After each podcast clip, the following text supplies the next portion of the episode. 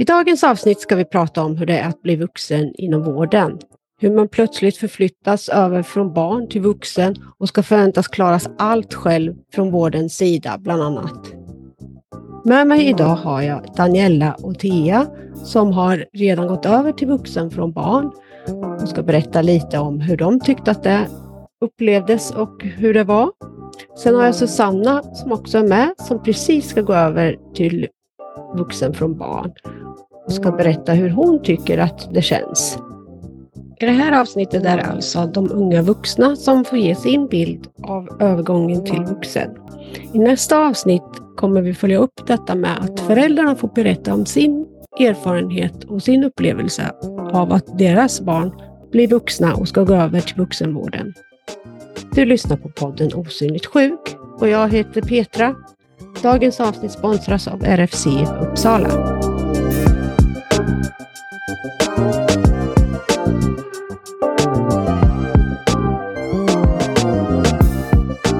Hej och välkommen alla tre. Ja, hej tack. Tack så mycket. Tack.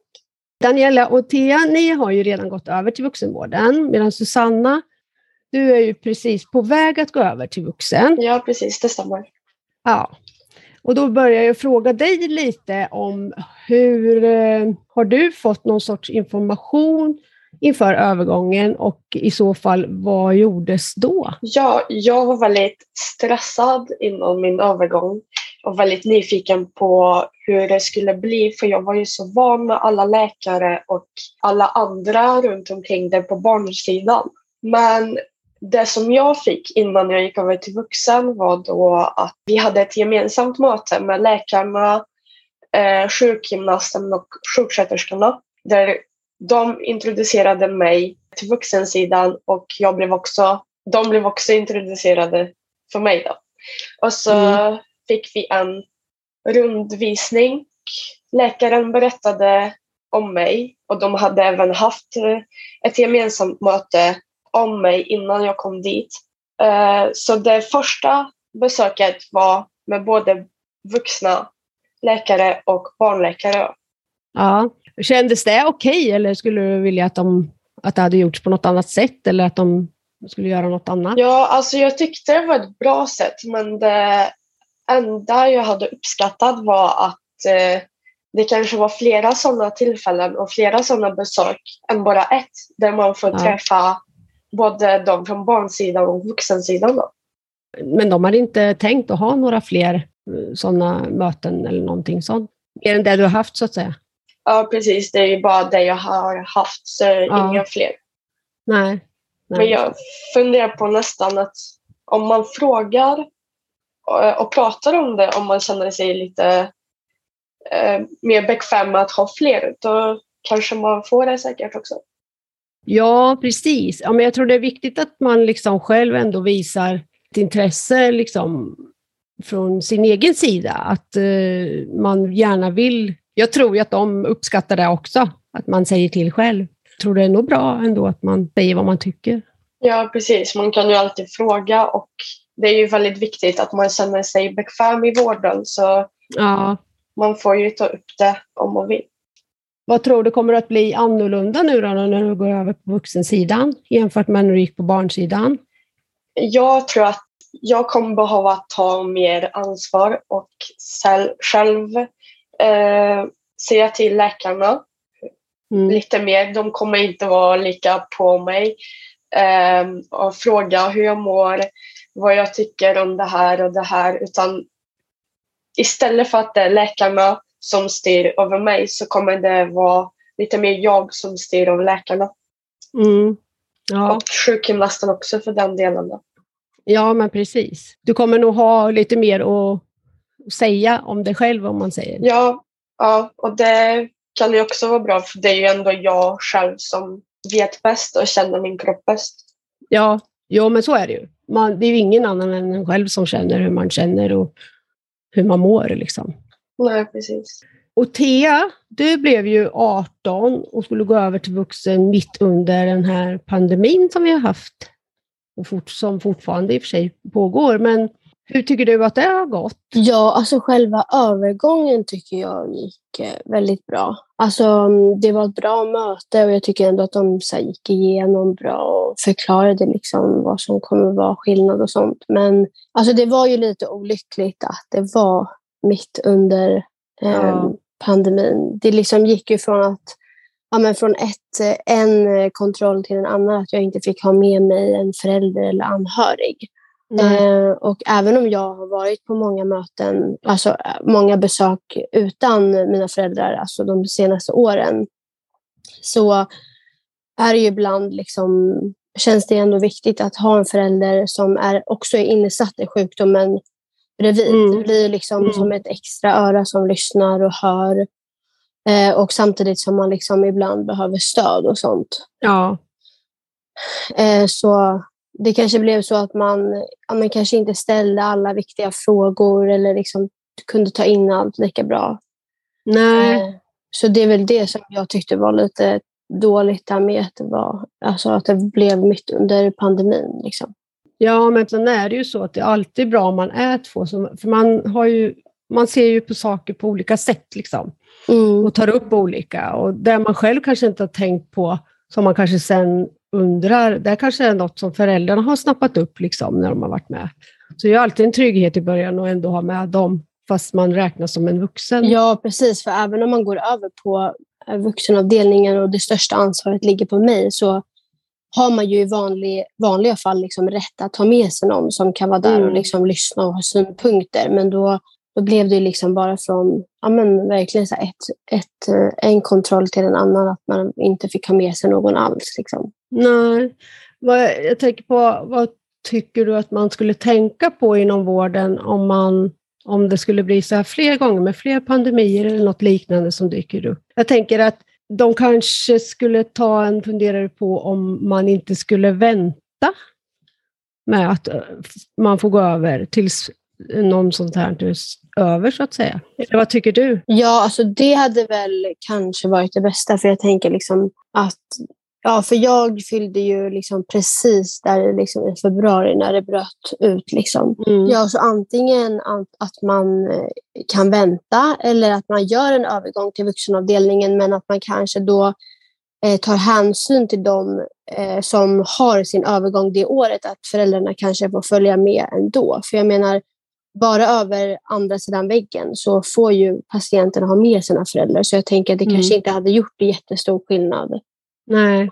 jag hade haft med mig mina Nej. föräldrar. Liksom. Och jag tänker liksom, är det någon gång som det är viktigt att ha stöd så är ju just den här övergången när allting är ja. nytt och det här allt, ja, men alla nya liksom ansvar och det man ska tänka på. Så då är det ju liksom extra viktigt att man har med sig någon.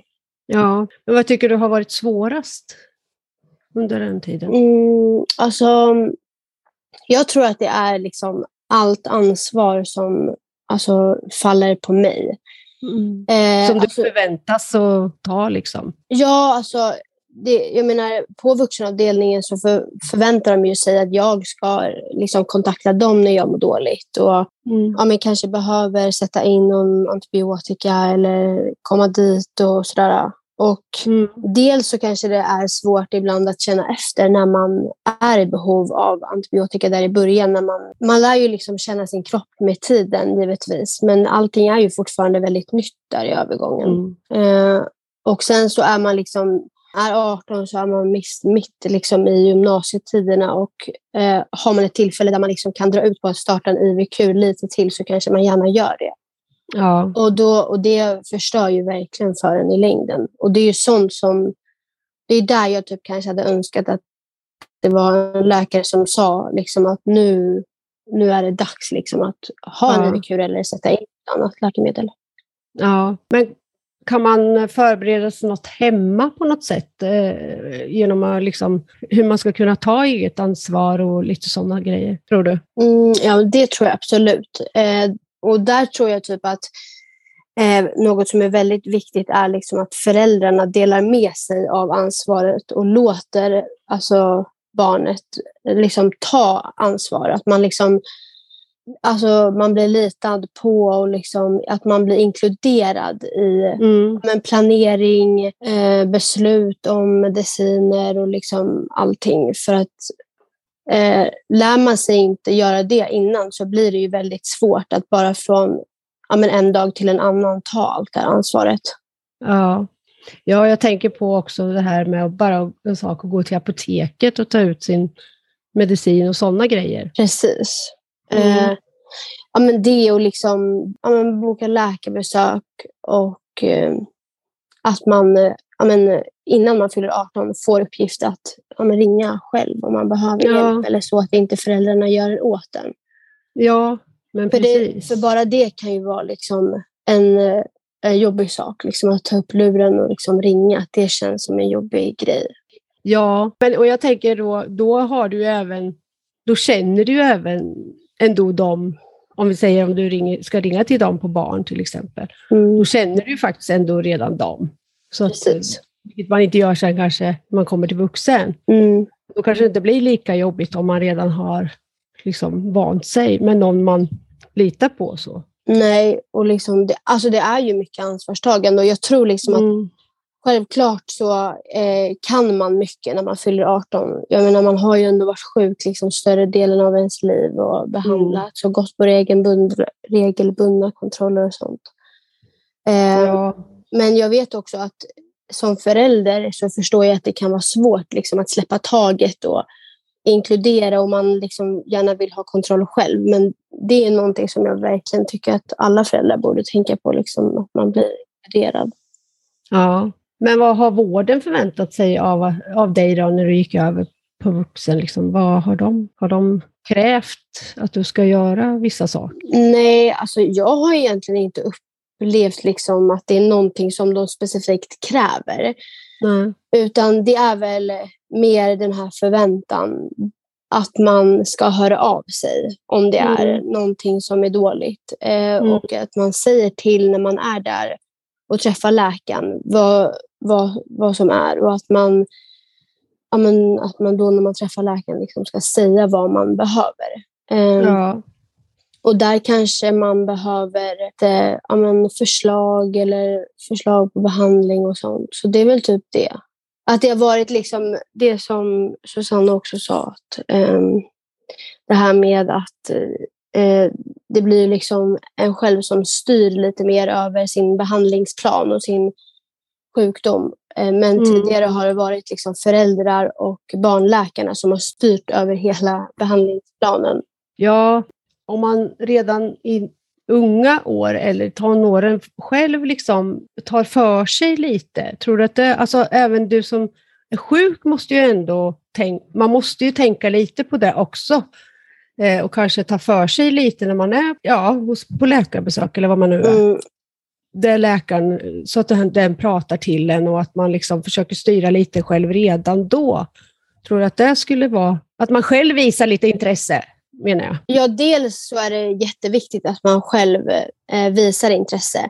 Mm. Jag tror att det här intresset kommer om man blir inkluderad Mm. eh, och om man liksom blir litad på eh, av föräldrar och läkare. Sen så tycker jag typ att man borde införa ja, men, någon slags rutin redan ja, men, ett eller två in, år innan själva övergången. Att man Ja. eh, kanske ska dela upp samtalet. Att hel, halva tiden så går man in och, och pratar med läkaren själv och halva tiden får föräldern vara med.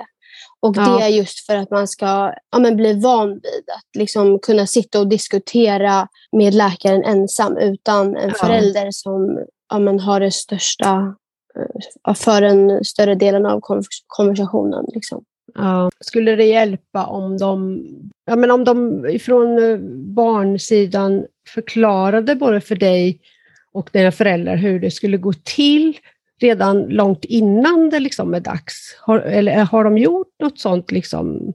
Att, ja, för det kan ju vara så att du får, det är ju inte bara att du kommer dit till en ny mottagning, utan det är ju liksom ganska många grejer egentligen. Skulle det vara bra liksom om de redan tidigt berättade lite vad som gällde? Men det tycker jag absolut. Men jag tror ändå, att- eller jag eh, var i alla fall, alltså jag var väldigt så här, självsäker och säker när jag gick över och jag kände mig eh, oerhört liksom väl, välkomnad och jag tyckte inte det var jobbigt att åka på Nej. de här besöken själv Nej. egentligen. Utan jag tror att jag mer har reflekterat i efterhand Mm. om att det ha- hade varit bra att ha någon där. Ja, Eh, och jag menar det här ansvaret som plötsligt föll över på mig, det var ju jag beredd på att det skulle göra och det var jag även informerad om att det skulle göra. ja, Det var bara det att det blev ju mer, alltså, jag tror inte man eh, förstår riktigt i början vad det är som förväntas av en och vad det är som krävs mm. av en. ja precis.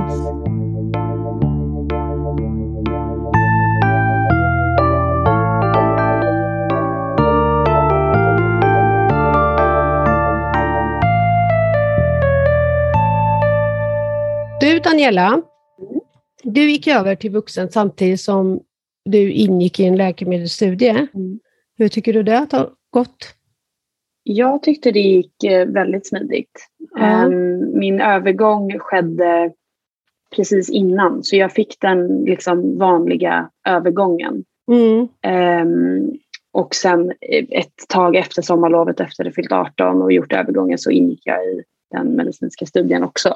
Ja, Men min övergång gick eh, väldigt liksom, ja, så som den går till för de flesta. Liksom. Det, var, det blev ingen, ingen specifik övergång så för mig just för att jag ingick i eh, den studien. Men det, nej. det påverkade ju såklart kanske liksom att ja, mina möten blev eh, uppdelade liksom att det var mycket fokus på studien och sen kanske det, de traditionella månadskontrollerna liksom Ja, kom. Ja. kom med det. Ehm, och sen den enda skillnaden var för mig att i början hade jag med en förälder ändå. Mer bara för att det inte var de typiska rutinerna för en månadskontroll utan jag hade också Nej. andra tester som skulle göras.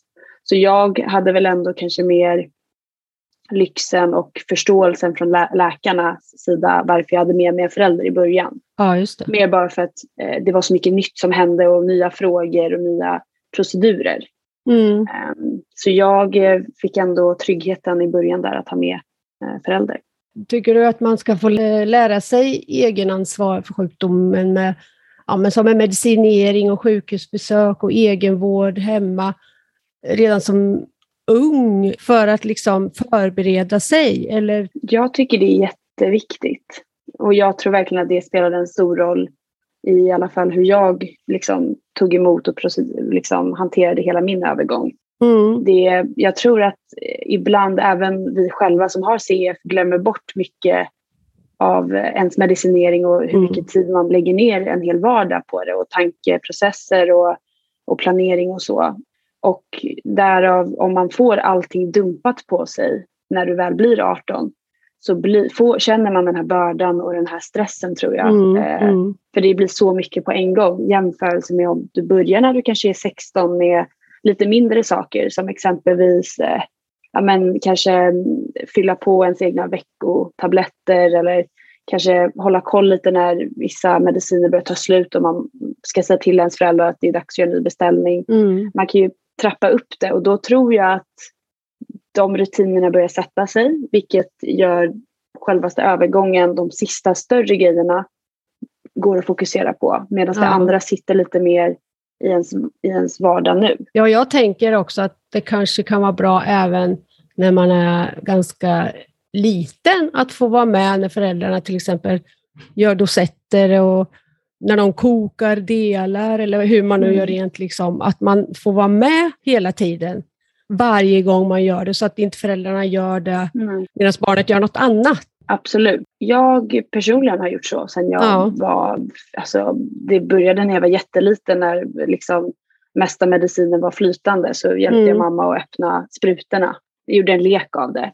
Jag tror att om föräldrarna sen liksom tillåter barnet att vara mer som te när man är inkluderat Ja. och eh, visa tillit att så här, men nu är du med och gör dosetterna och sen nästa vecka kanske du får göra dosetterna själv eller liksom, ja, Mm.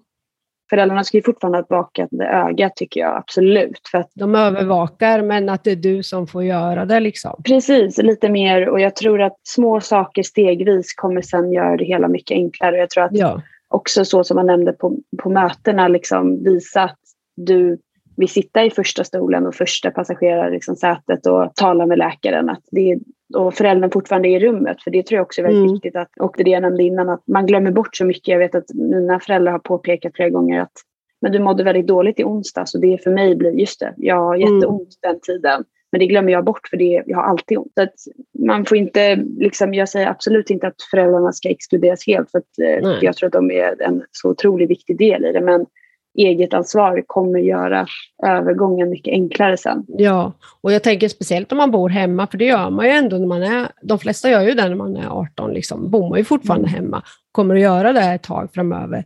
Och då mm. är ju föräldrarna inkluderade oavsett om man vill eller inte, liksom, så blir det ju så. Mm. Tills den dagen man inte bor hemma. Liksom. Nej, precis. Jag vet själv att när, eh, när majoriteten av oss blir 18 så förmodligen vissa liksom, majoriteter förmodligen fortsätter gå i gymnasiet och mm. bor kanske hemma. Att bara för att du blir 18 så tycker inte jag att man som från läkarnas sida ska beskriva det som att föräldrarna försvinner helt. För att som du säger, man bor fortfarande förmodligen hemma. De är del av ens egna vardag och, och man har väl rutiner och så. Att absolut att eh, liksom ansvaret har trappats upp.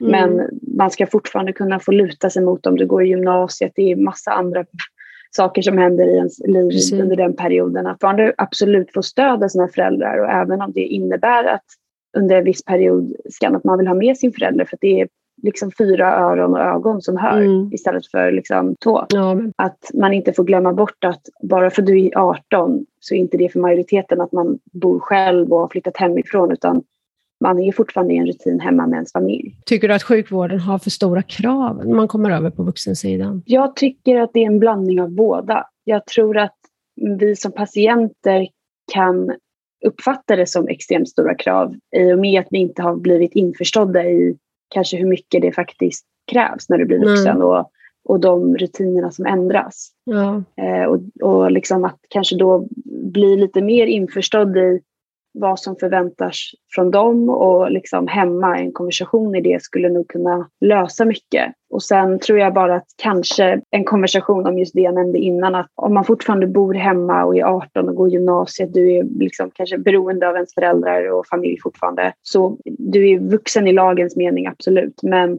det är svårt att liksom ta över allting när du fortfarande mm. har föräldrar som har gjort det i 18 år och hjälpt dem och nu säga och höra från läkarna att du får inte ta med dig dem eller liksom du ska vara här själv och jag tror för vissa patienter kan det behövas för att för föräldrarna kanske inte har tillåtit dem att ta ansvar från yngre ålder och då måste de börja lära sig när de blir 18. Mm. Men sen så tror jag för dem där det har skett ett progressivt ansvar så kan det liksom skära lite i införståelsen av vad förväntas av mig och vad var liksom, hur ska det här gå till?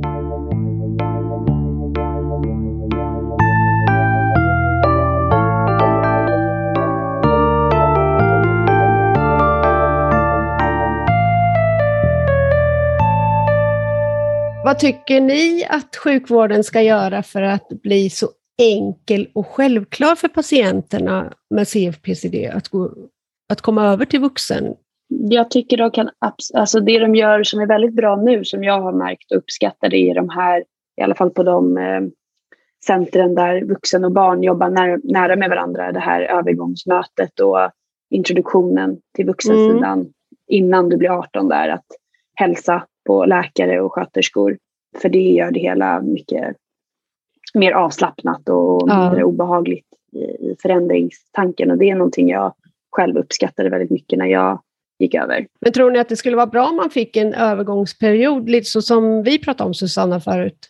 Att man kanske egentligen skulle behöva ett eller kanske till och med två år, där man liksom sporadiskt får gå över någon enstaka gång till vuxen och känna på medan man fortfarande går på barn? Ja, jag tycker att det hade varit bra med en längre övergångsperiod. Två år är kanske lite för länge känner jag, men alla tycker ju olika. Men kanske under ett års tid, där när man fyller 17, att man får träffa vuxenläkaren flera gånger än bara mm. den ena gången då man har den här introduktionen. Det, det hade jag uppskattat i alla fall. Jag tänker om man när man de gånger kanske är på vuxen då, att man kanske har en, en sköterska ifrån barn som är med under det mötet. Så att man har någon som kan, ja, lite som stöd ifrån vården också. Ja, det låter faktiskt som en väldigt bra idé. Men jag tycker det låter jättebra. Alltså det hade varit bättre med en längre övergångsperiod där man liksom blir förberedd på allting. Mm. Sen tycker jag som jag sa där innan att man kan börja förbereda patienten och sitt barn alltså redan ännu tidigare än ett år innan Mm. på vissa steg. Ja. Ja, men, att man blir inkluderad i att um, ja, men, åka till apoteket, koka delar, boka ny läkartid. Och det här med att man kan dela upp samtalen tror jag är väldigt bra. För det blir nog lätt så att om en förälder är med in i rummet med läkaren att man, det kanske blir enklare att man liksom faller bort Mm. och inte tar in allting de säger. Med att man litar på att man har en förälder där som lyssnar och svarar och tar in. Det tycker jag att min läkare och eh, mina föräldrar gjorde väldigt bra för att när jag åkte på läkarbesök så sa läkaren där när jag blev äldre, vid ungefär var 16-årsåldern, att ja, nu tar vi halva tiden med dig bara och sen på slutet kommer föräldrarna in så har vi en sammanfattning just Ja. för dem fråga och säga det de tycker. Och även på olika undersökningar som jag var på så fick jag gå in själv om jag ville. Ja. Men jag kunde även ha med en vuxen in eller en förälder. ja, just det. Ja, men det låter ju jättebra. Ja, man fick ju den möjligheten att välja i alla fall eh, på det sjukhuset jag går på. Då. Ja, för du, Susanna, har ju två mottagningar på olika sjukhus som du går Ja, på. precis. Eh, Så det blir liksom dubbla övergångar så att säga. Ja, jag hade två övergångar. Den ena var ju i Göteborg, det Ja, CF-centret. Ja, CF-centret precis. Och sen det andra här i Karlstad. Då. Och i Göteborg så gick jag över rätt så snabbt tätt in på när jag fyllde 18 där. Men eh, här i Karlstad så dröjde det lite längre vilket jag också tyckte var rätt skönt för då fick jag liksom inte båda övergångar samtidigt. Nej, det låter ju jättebra. Och då funkar det på samma sätt på båda ställen att jag hade en introduktion med båda läkarna från både vuxenavdelningen och barnavdelningen. Ja. Men vad tycker ni liksom föräldrarnas roll i det här? Hur spelar den in? Vad, eh, jag tänker det kanske är viktigt om, att de ändå men visar respekten att nu är ni ju faktiskt vuxna och lyssnar liksom på mer kanske vad ni själva vill. Jag tycker att det är viktigt att de ja, men släpper taget lite samtidigt som de verkligen visar att de vill vara ett stöd och hjälpa till. För det är ju även eh, en stor del, alltså det är ju inte bara en övergång från barn till vuxenavdelning på sjukhuset Mm. utan i vissa fall tror jag också blir så att föräldrarna ja, men, bara ger mer frihet. På samma sätt, alltså hemma som på sjukhus, så tror jag att det måste bli en övergång under några år. Liksom. Mm. Att man ja, men med tiden eh, som förälder släpper på ansvaret och ehm, ja, men delar det med eh, den som har CF. Då. Alltså, där vid övergången så tror jag verkligen att, att vara ett stöd är det viktigaste. Ja. Att man erbjuder sig liksom att jag kan följa med dig och hjälpa till. Är det någonting du behöver hjälp med Mm. eller sånt? Man har ju liksom kämpat för att sitt barn ska liksom få de bästa förutsättningarna i livet, trots sin sjukdom.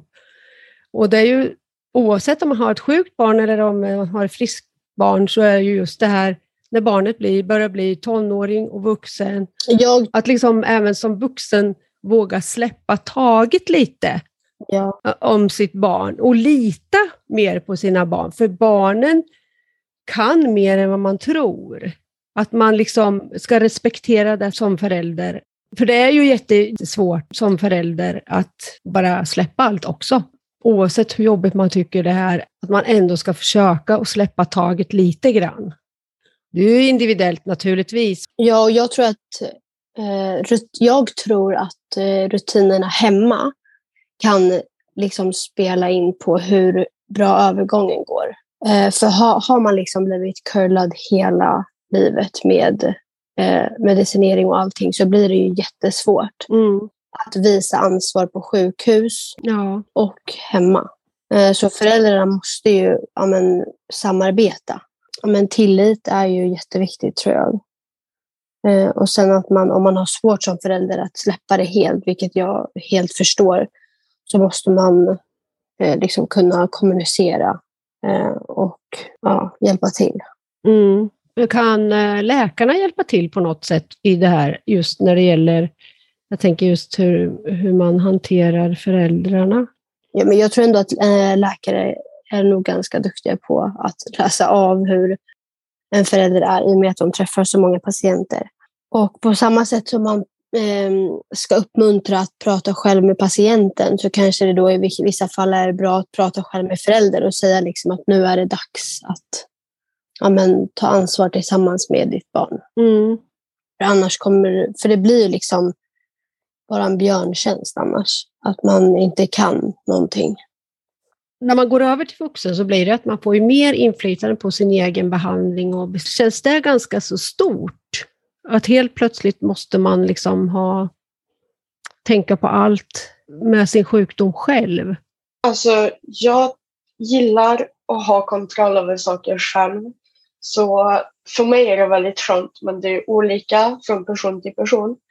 Så jag hade ju ganska mycket kontroll över sakerna, både de som har med sjukdom att göra, eh, men även andra saker. Så hade jag kontroll över dem väldigt mycket själv. Men jag hade mina föräldrar och jag visste att de fanns där ifall jag behövde hjälp. De kom och frågade ifall jag ville ha, Mm. behövde hjälp med någonting och så kunde jag säga till. Men det, det är ju lite annorlunda med att bli vuxen när man blir vuxen än eh, om man är barn. Ja, för när man blir vuxen blir det ju mycket så att läkaren Lyssna på en i första hand. Ja. Ja, men precis. Ja, men lite så. Och att eh, det kan ju vara bra då att lära sig lite att formulera sig hur man faktiskt känner och hur man mår. Och det är ju ändå där ni kommer att gå nu resten av livet. Barn har, går man ju bara 18 år i sitt, av sitt liv och sen resten av livet går du på vuxen. Jag tror ju också att det är viktigt att läkarna lyssnar på patienterna. Precis. Jag vet att de flesta CF-läkarna på CF-centren gör ju det, men de läkarna som är utanför det är det inte säkert att alltid de lyssnar kanske riktigt på vad man, ja, hur man mår eller känner. De har ju ganska mycket patienter utöver CF-patienter också. Om vi säger att det är någon ja, lungmottagning till exempel där de har fler eh, sjukdomsgrupper än bara CF. Är det något som de borde tänka på? Vuxenläkarna nu då, tänker vi. Men jag går ju på en lungmottagning här Mm. på kontrollerna. Och eh, då vet jag att vi har pratat om att det är viktigt att de har kontakt med CF-centret Mm. eh, och tar information därifrån.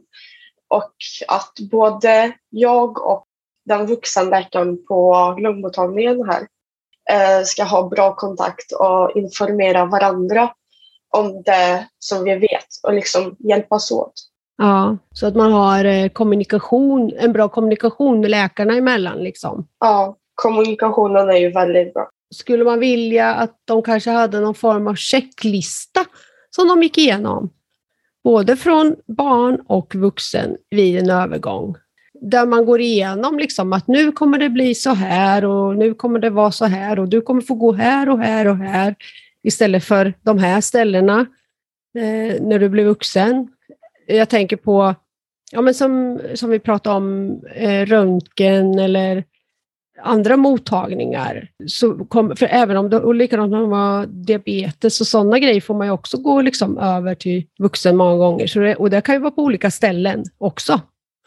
Att man är förberedd på att det kan bli ganska mycket och att de har någon form av system där, det liksom, ja, där de går igenom liksom allt sånt.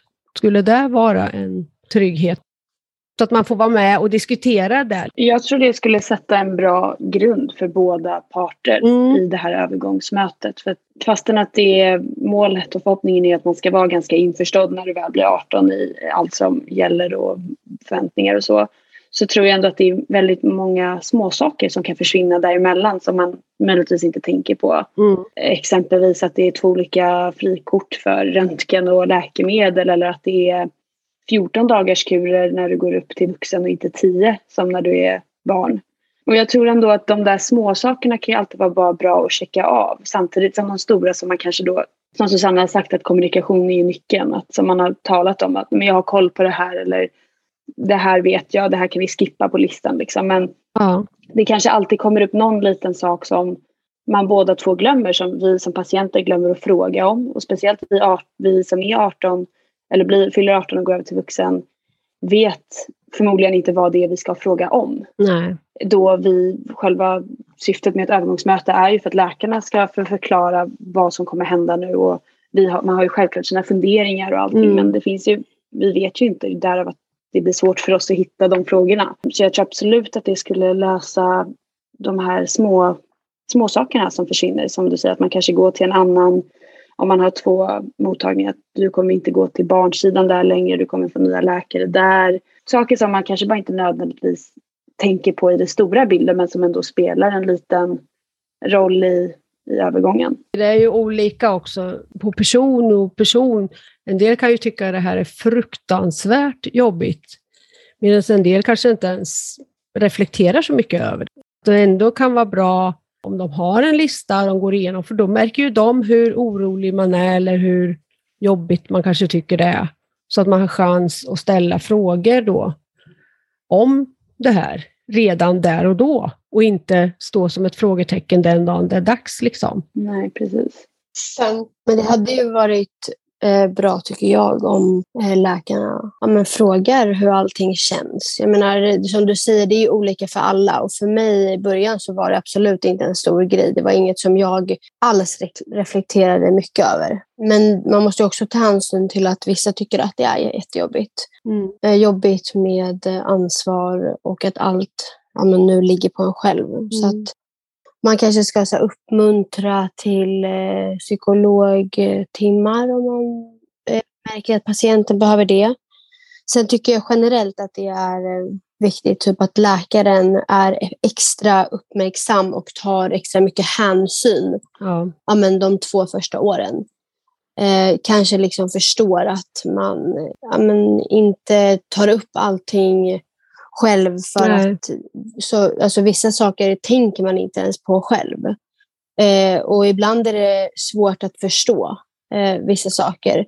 Så där eh, tycker jag att läkarna hade typ, ja, men verkligen kunnat ta extra mycket hänsyn och vara extra uppmärksamma på hur patienterna mår där de första två åren när man vänjer sig vid allting. Ja. Ja, för det är ju väldigt mycket nytt. Jag menar, det är ju nya människor man ska möta. Det är nya sköterskor, det är nya läkare, det är ny kurator, det är ny psykolog. Ja, men det är rätt mycket nya, ny dietist. Det är ju väldigt mycket. Att man ändå får en chans att kunna hantera allt det här. De kan fråga hur man liksom känner inför allt också, inte bara hur man mår, utan hur man känner inför allting. Så att det kommer in i bilden också. För då märker de ju också vilka som tycker att det här är väldigt jobbigt. Eller... Sen tänker jag även det här när man sitter där på det här introduktionsmötet så är det säkert många frågor man inte kommer på just där och då. Och då är det viktigt att man sen vågar ta kontakt ja. med läkaren eller sjuksköterskan på den avdelningen för att få reda på de frågorna. För det kan vara väldigt skönt för oss att veta det. Och om man inte vill göra det själv så kan man be sin förälder om hjälp eller mm. någon annan. Ett annat tips som jag har är att eh, när man går över till den här vuxensidan så vet jag att jag och min läkare hade nu sist ett bara allmänt prat för att lära känna varandra. Och det tyckte jag kändes väldigt tryggt för vi pratade liksom utöver sjukdomen också. Ja. Bara för att skapa ett närmare band med varandra. Och det tror jag är väldigt viktigt. Ja, men precis. Ja, hur den är så är från det privata livet man har hemma och allting så är det ju faktiskt de man eh, ska anförtro sig till och allting. Så att det är ju jätte som ja, men sjukgymnaster eller vad som helst. Man har ett, ett avslappnat samtal liksom, mer allmänt och inte bara om sjukdomar och allt sånt, utan eh, man lär känna varandra helt enkelt. Precis, för vi träffar ju dem ändå ungefär varje eller varannan månad. Så Mm. det blir ju rätt så ofta. Ja, och ibland oftare faktiskt. Så, Ja, precis. Mm, ja, alltså bandet med ens läkare mm, är nog väldigt avgörande för att man måste ju kunna ja, men, känna tillit och trygghet för att kunna öppna upp sig och prata om allting. Och även ja, men precis. om ja, men, alla läkare är kunniga och liksom vet vad de ska göra på sitt jobb så är ju bandet till patienten Mm. otroligt viktigt. Och då kan det ju vara viktigt typ att ja, men, eh, kanske fråga inte bara liksom hur man mår fysiskt i kroppen med sin sjukdom utan även hur allt känns och ja, men andra stora saker i livet. Liksom. Ja, men precis. Ja, men det är väl jättebra. Det finns säkert flera olika sätt om hur man gör en sån här övergång redan idag. Och en del patienter får alltid gå på barn, fortfarande, även fast de är vuxna, eh, på en del mottagningar. Vilket man också kan diskutera hur eh, bra det är. Och man hoppas väl ändå att man på något sätt får en, oavsett om man går på vuxen eller barn, att man får en rättvis vård. En så rättvis vård som möjligt och, de, och den vård som de har rätt till, oavsett ålder. Och just deras behov blir tillgodosedda i bästa möjliga mån. Jag vill tacka alla er tre som ställde upp med era erfarenheter och tankar om hur det är att bli vuxen inom vården. Så tack så jättemycket. Tack själv. Tack själv. Och ett stort tack till dig som har lyssnat. Thank you.